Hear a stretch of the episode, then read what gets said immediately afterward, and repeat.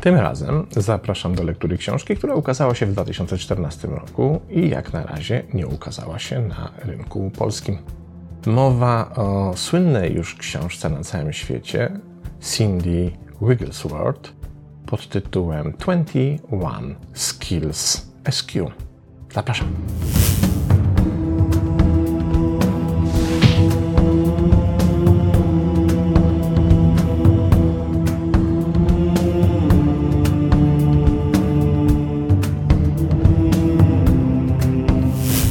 Najpierw zaczniemy od tego, by przyjrzeć się, kim pani Cindy Wigglesworth jest. Otóż szkoli trenerów, terapeutów, przywódców religijnych i duchowych oraz inne osoby, aby korzystać z inteligencji duchowej swojej pracy i uczyć SQ tak, jak uczy się EQ, czyli inteligencji emocjonalnej.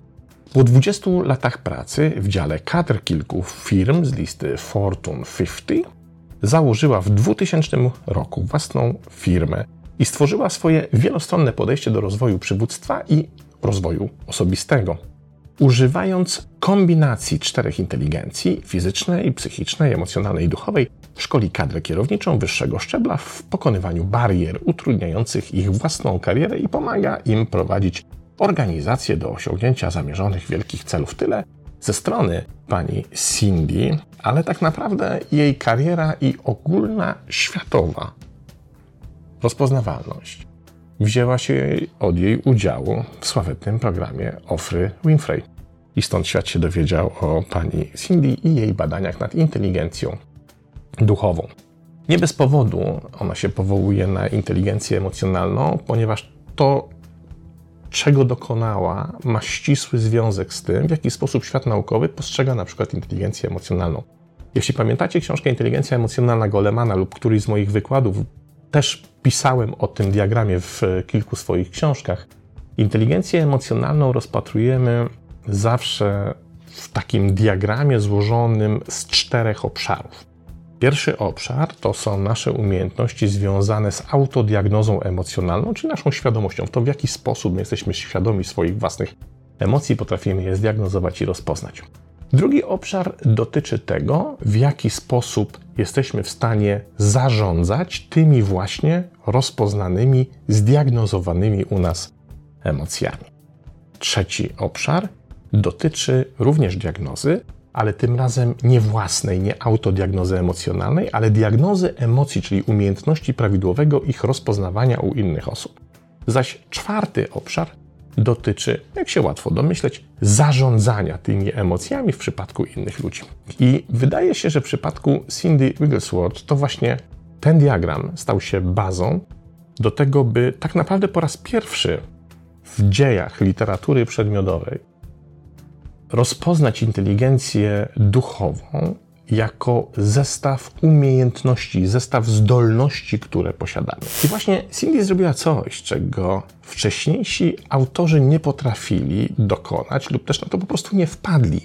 Ona ubrała całą naszą dotychczasową wiedzę na temat inteligencji duchowej w zestaw 21 konkretnych umiejętności, które po segregowała właśnie w te cztery obszary. Dlaczego to jest takie istotne i dlaczego uważam, że ta książka jest książką przełomową i strasznie żałuję, że nie ukazała się na rynku polskim, mimo co sprawdziłem dzisiaj przed nagraniem tego faktu, że książka ta, wyobraźcie sobie, została przetłumaczona nawet na język turecki, a wciąż w Polsce nie mamy tak naprawdę pojęcia o jej istnieniu. A uważam, że ta książka jest ważna z kilku powodów. Otóż spotkałem się wielokrotnie, kiedy zacząłem się zajmować inteligencją duchową jeszcze sprzed czasów, kiedy napisałem o inteligencji duchowej książkę, czyli Alchemię Duchowego Rozwoju, z tak naprawdę z taką postawą kwestionującą inteligencję duchową. To była postawa osób, które na przykład pisały komentarze na Facebooku czy w innych portalach społecznościowych, że cóż to takiego jest, to jakiś wymysł, nie ma czegoś takiego, nic takiego jak inteligencja duchowa nie istnieje, że to jakaś nowomowa jakieś bzdety. I pomyślałem sobie wówczas, co do dzisiaj wydaje mi się aktualne, że istnieje pewien związek pomiędzy tego typu postawą a życiową aktywnością, który pokazuje pewien paradoks. Otóż, jeśli uznajesz, czy też ktoś uznaje, że inteligencja duchowa jest wymysłem, że nie istnieje, że czegoś takiego nie ma, że, że to są tak naprawdę bzdury wyssane z palca, i jednocześnie ta sama osoba, na przykład, nie wiem, idzie się pomodlić do kościoła, albo idzie sobie do, po nauki do ośrodka buddyjskiego i zasiada w buddyjskiej gąpie, albo idzie się modlić do meczetu, albo postanawia rozwijać swoją duchowość, siedząc na poduszce medytacyjnej i robiąc to we własnym zakresie. To jeśli taka osoba uznaje, że inteligencja duchowa nie istnieje, jest po nic, jest wymysłem, jest bzdurą wyssaną z palca, to tak naprawdę ona w tych wszystkich miejscach, niezależnie od tego, w jakim miejscu, do jakiego miejsca się udają, tam jest jak warzywo. To jest tak, jakbyśmy w kościele w ławce posadzili marchewkę na przykład, albo na poduszce medytacyjnej w gąpie posadzili jakąś inną jarzynę. No, to jest nieużyteczne, to, jest, to się mija tak naprawdę z celem. Nie ma sensu oddawanie się, w moim przekonaniu, jakiejkolwiek wierzeniom, czy też religii, czy też uczestnictwo w życiu religijnym dowolnej organizacji, jeśli uznaje się, że nie istnieje inteligencja duchowa, no bo to jest po prostu sprzeczne. A zatem wszystkie te osoby, które uczestniczą w życiu religijnym swoich organizacji religijnych oraz, czy też same chcą eksplorować ten obszar, no to ścieżką do eksploracji tego obszaru jest właśnie inteligencja duchowa. I teraz to, co najważniejsze w książce 21 umiejętności z zakresu inteligencji duchowej, to właśnie to ustrukturalizowanie tej wiedzy, żeby nam pokazać, po pierwsze, w którym kierunku powinniśmy dążyć, jeśli chcemy tą umiejętność w sobie rozwijać, a po drugie, żeby nam pokazać, czego nam brak na drodze, czyli jakich umiejętności jeszcze nam brakuje żebyśmy mogli ten nasz rozwój duchowy, niezależnie od tego, jaką proweniencję religijną, mistyczną, tradycyjną on obierze, móc w sobie rozwijać. I właśnie te rzeczy pani Cindy ubrała w 21 umiejętności, które porozkładała w czterech obszarach, które sama nazywa kwadrantami. I teraz mamy pierwszy kwadrant, i tutaj zobaczcie, że jest bardzo zbliżony sposób myślenia właśnie do tego golemanowskiego myślenia o inteligencji emocjonalnej. A zatem pierwszy kwadrant oznacza samoświadomość i dzieli się na takie umiejętności, jak na przykład świadomość własnego światopoglądu. I Cindy pisze tak: to świadomość ram, wierzeń, idei i przekonań, dzięki którym interpretujemy otaczającą nas rzeczywistość. Światopogląd nie jest definiowany przez to, co widzisz, ale przez to, jak to widzisz. Osoba o wysokim poziomie inteligencji duchowej wystarczająco dużo wie o samej sobie, by być zdolna do obserwowania własnego procesu filtrowania. Wie, że każdy ma filtry, a każda perspektywa jest rodzajem interpretacji. To pierwsza umiejętność, czyli świadomość własnego światopoglądu. Ale czytajmy dalej. Drugą umiejętnością umieszczoną w tym pierwszym kwadracie, kwadrancie Cindy Wigglesworth jest świadomość celu życia. Czyli to odpowiedź na pytanie, po co tu jestem? Co ja tu robię? Co ja mam do zrobienia? Po co znalazłem się na tej planecie w tym czasie, w tej przestrzeni geograficznej? Jaki jest cel tego wszystkiego? Jaki jest sens tego wszystkiego? Zwróćcie uwagę, jak wielu ludzi nie udziela sobie odpowiedzi na to pytanie, nawet możemy zaryzykować twierdzenie, że boi się o to zapytać samych siebie. Dlaczego? Ponieważ być może szczera i uczciwa, oczywiście odpowiednio głęboka odpowiedź, której musieliby sobie udzielić na tak postawione pytanie, mogłaby przewartościować ich myślenie o ich miejscu w świecie i życiu. Mogłoby się nagle okazać, że żyją życiem, którym nie chcą tak naprawdę żyć, że ich aktywność życiowa nie jest tą aktywnością, która jest im przypisana, która jest zgodna z ich predyspozycjami, talentem i misją, czyli właśnie tym sensem istnienia tu i teraz. Kolejna przecudowna umiejętność w pierwszym kwadrancie inteligencji duchowej to świadomość hierarchii wartości. Co jest ważne?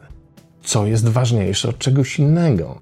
Jak jesteśmy w stanie budować nasze własne hierarchie wartości, po czym rozpoznajemy, że coś jest istotne, czym się jesteśmy w stanie kierować, dlaczego ta istotność, ta wartość w życiu jest dla nas tak ważna i czy czasem nie zmienia się na planie naszego całego życia. Zobaczcie, ile tu jest miejsc do przemyśleń nad samym sobą, do takiej autorefleksji na bardzo głębokim poziomie.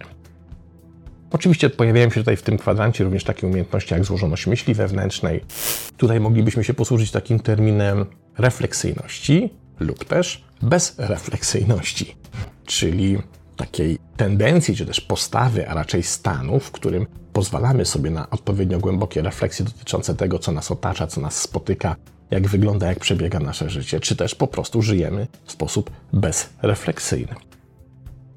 I kolejna umiejętność z tego pierwszego kwadrantu to świadomość własnego ja w kontekście wyższego ja. I tutaj Cindy Wigglesworth wprowadza rozróżnienie pomiędzy tym, co nazywa wyższą jaźnią, czyli powiedzielibyśmy tym naszym ja wewnętrznym, głębokim, duchowym, a jaźnią niższą, którą wprost nazywa po prostu ego.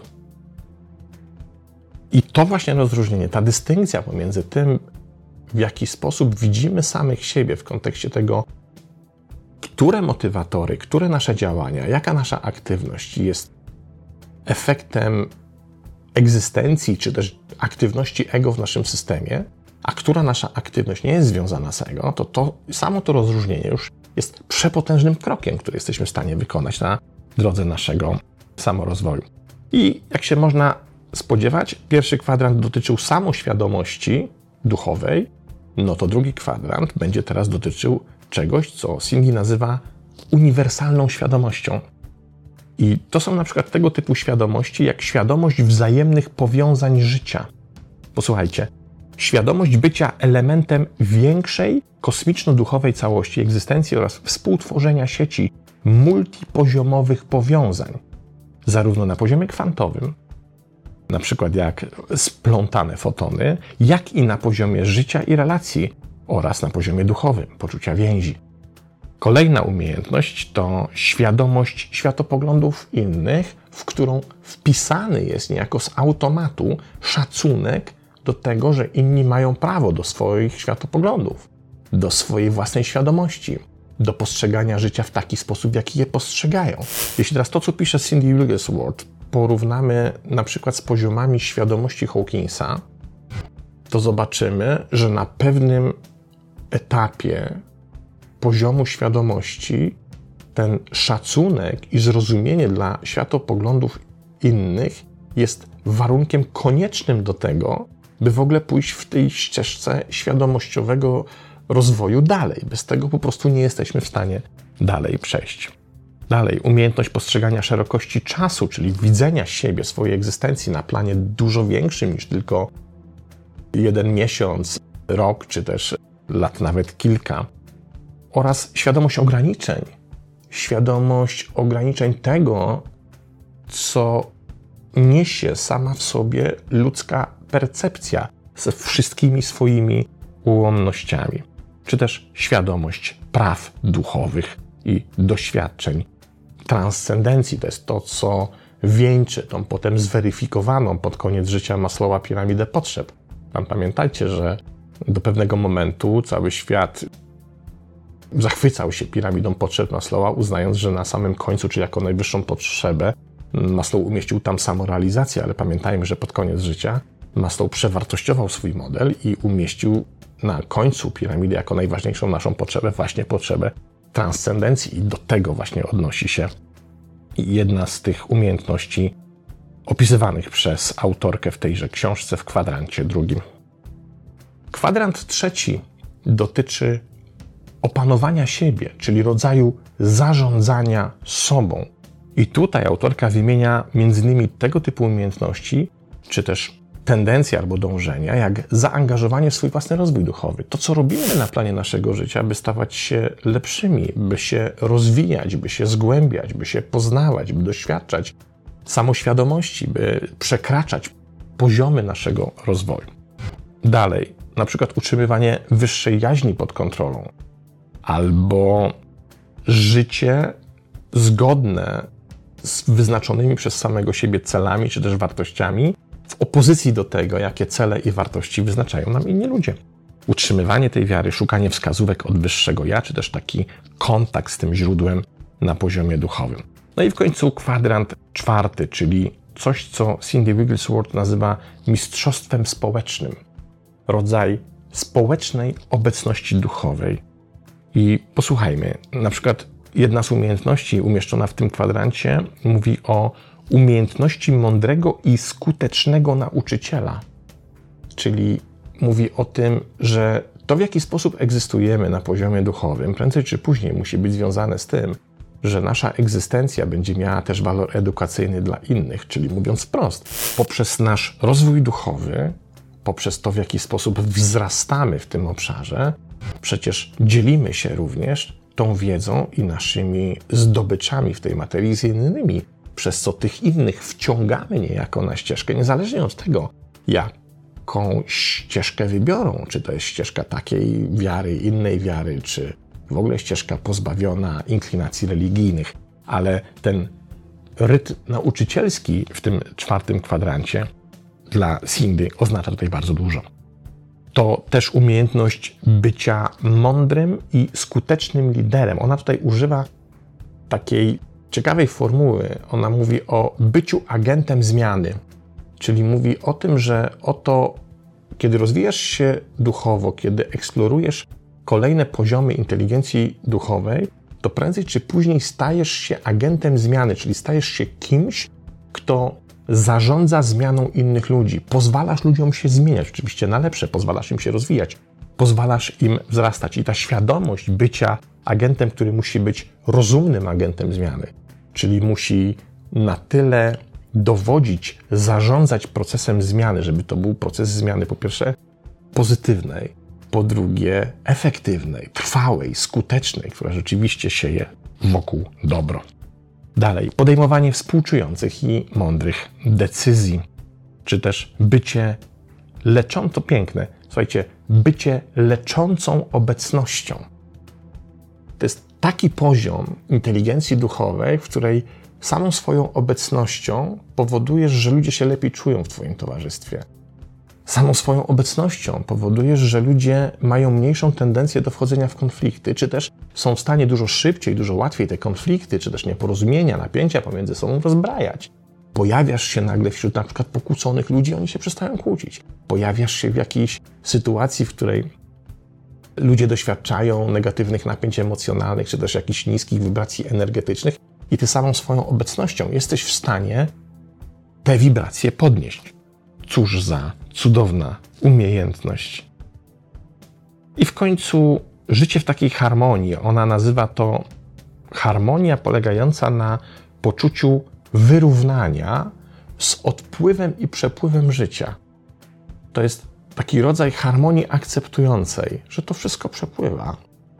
Harmonii, która nie lgnie do niczego, która pozwala, by ta rzeczywistość przepływała, by ta rzeczywistość przemijała, a my jesteśmy kimś, kto harmonizuje jedynie ten przepływ i co najważniejsze, nie stanowi dla tego przepływu oporu. I Cindy mówi coś takiego. Pamiętaj, że inteligencja duchowa jest definiowana jako zdolność do zachowania się z mądrością i współczuciem przy zachowaniu wewnętrznego i zewnętrznego spokoju, niezależnie od okoliczności.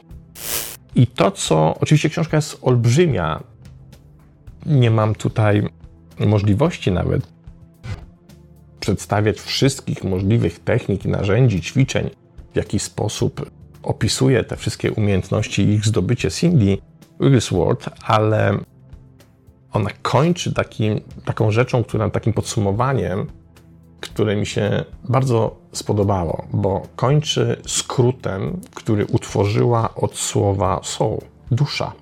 S-O-U-L w języku angielskim i mówi: Jeśli miałbyś z tej książki, z tej koncepcji inteligencji duchowej zapamiętać to clue, to co jest najważniejsze, samą esencję tego, tego przekazu, którego właśnie jesteś świadkiem, to zapamiętaj właśnie to słowo, słowo soul, czyli dusza, ale zapamiętaj je w taki sposób, jakby było złożone ze skrótów z czterech liter, w którym to skrócie każda z tych liter coś bardzo ważnego oznacza, a jednocześnie pokazuje pewną sekwencję którą możemy wykorzystać w codziennym dniu i którą możemy podążać i zmierzać. Co więcej, to jest sekwencja, która według autorki tej książki pozwala nam egzystować na zupełnie nowym poziomie, rozwijać się i zdobywać kolejne szczeble inteligencji mm, duchowej.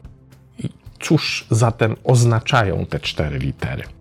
S w słowie sol dla autorki tej książki oznacza słowo stop, co oznacza zatrzymaj się, przerwij na chwilę, doświadcz wyciszenia i spokoju. Spraw, by to, w jaki sposób żyjesz, w jaki sposób egzystujesz, w jaki sposób przebiega Twoja aktywność, na chwilkę wyhamowało. Choć na chwilę, bo ten moment zatrzymania, ta chwila jest Ci bardzo potrzebna. I teraz jest pytanie, na co potrzebujemy tej chwili? I ona mówi wyraźnie, na oddech. Doświadcz za pomocą koncentracji na swoim własnym oddechu tego, że jesteś czymś więcej niż tylko to ciało. Doświadcz za pomocą tego stop, tego zatrzymania, kontaktu ze Twoją wyższą jaźnią. Jeśli będziesz to ćwiczyć, jeśli zatrzymasz ten bieg, tą biegunkę spraw, biegunkę życia, biegunkę myśli, to wszystko, co ci wokół otacza, choć na sekundę, to właśnie w tym zatrzymaniu, tam jest szansa na doświadczenie kontaktu z tym źródłem. To tak naprawdę to zdanie, które powiedziałem przed chwilą, jest definicją mindfulness. Przecież my dokładnie to po to robimy, czyli zatrzymujesz wszystko, by być obecnym w chwili teraźniejszej, w tu i teraz. Literka O. Moglibyśmy powiedzieć, sponsoruje słowo observe, czyli obserwuj. Kiedy się już zatrzymasz w tym S, to doświadcz obserwacji tego, co się wokół ciebie dzieje. Zwróć uwagę na to, co cię otacza, co dzieje się wokół ciebie. I Cindy mówi więcej, wręcz w tej obserwacji odwołaj się do świadectwa Twojego obserwującego umysłu. Czyli połącz się nie z umysłem, który paple, który konstruuje kolejne paradygmaty, koncepty mentalne i tak dalej. Doświadcz umysłu obserwatora, kogoś, kto jest obecny, jest uważny, ale kto nie jest dyskursywny, kto zamiast dyskursu w umyśle włącza wyłącznie obserwację, bo ta obserwacja jest niezwykle potrzebna do chwycenia tego dystansu, który jest kluczem inteligencji duchowej. Teraz U z angielskiego understand, zrozum, że istnieje coś więcej niż tylko zrozumienie. Cindy pisze: Obejmij to, czego doświadczasz nie tylko umysłem, ale do tego zrozumienia dołącz jeszcze patrzenie na to, czego doświadczasz oczami duszy. Czyli uruchom zupełnie inną perspektywę widzenia rzeczywistości. Moglibyśmy powiedzieć perspektywę pozarozumową, czyli taką perspektywę, w której umysł tak naprawdę przeszkadza. Jest potrzebne coś zupełnie innego, inna funkcja rozumienia rzeczywistości, która nie jest bezpośrednio związana z tymi konceptami, które powstają w naszej głowie. I ostatnia literka, czyli w słowie soul, czyli L. I Cindy mówi, to jest love, miłość. Znajdź kochającą, współczującą, mądrą odpowiedź na to, czego doświadczasz. Zaakceptuj, doświadczaj miłości i dziel się miłością. Książka absolutnie niezwykła, zupełnie inna niż dotychczasowe, ale w moim przekonaniu niezwykle warta tego, by się nad nią pochylić. I myślę, że to jest książka na tyle ciekawa, że ona tym swoim spojrzeniem na inteligencję duchową, na to, czego doświadczamy na poziomie naszego zjednoczenia ze źródłem, z tą wyższą jaźnią, ona niejako przeprowadza most pomiędzy różnymi światopoglądami. Żadnego nie odrzucając, żadnego nie negując, wręcz mówiąc, uszanuj wszystkie inne.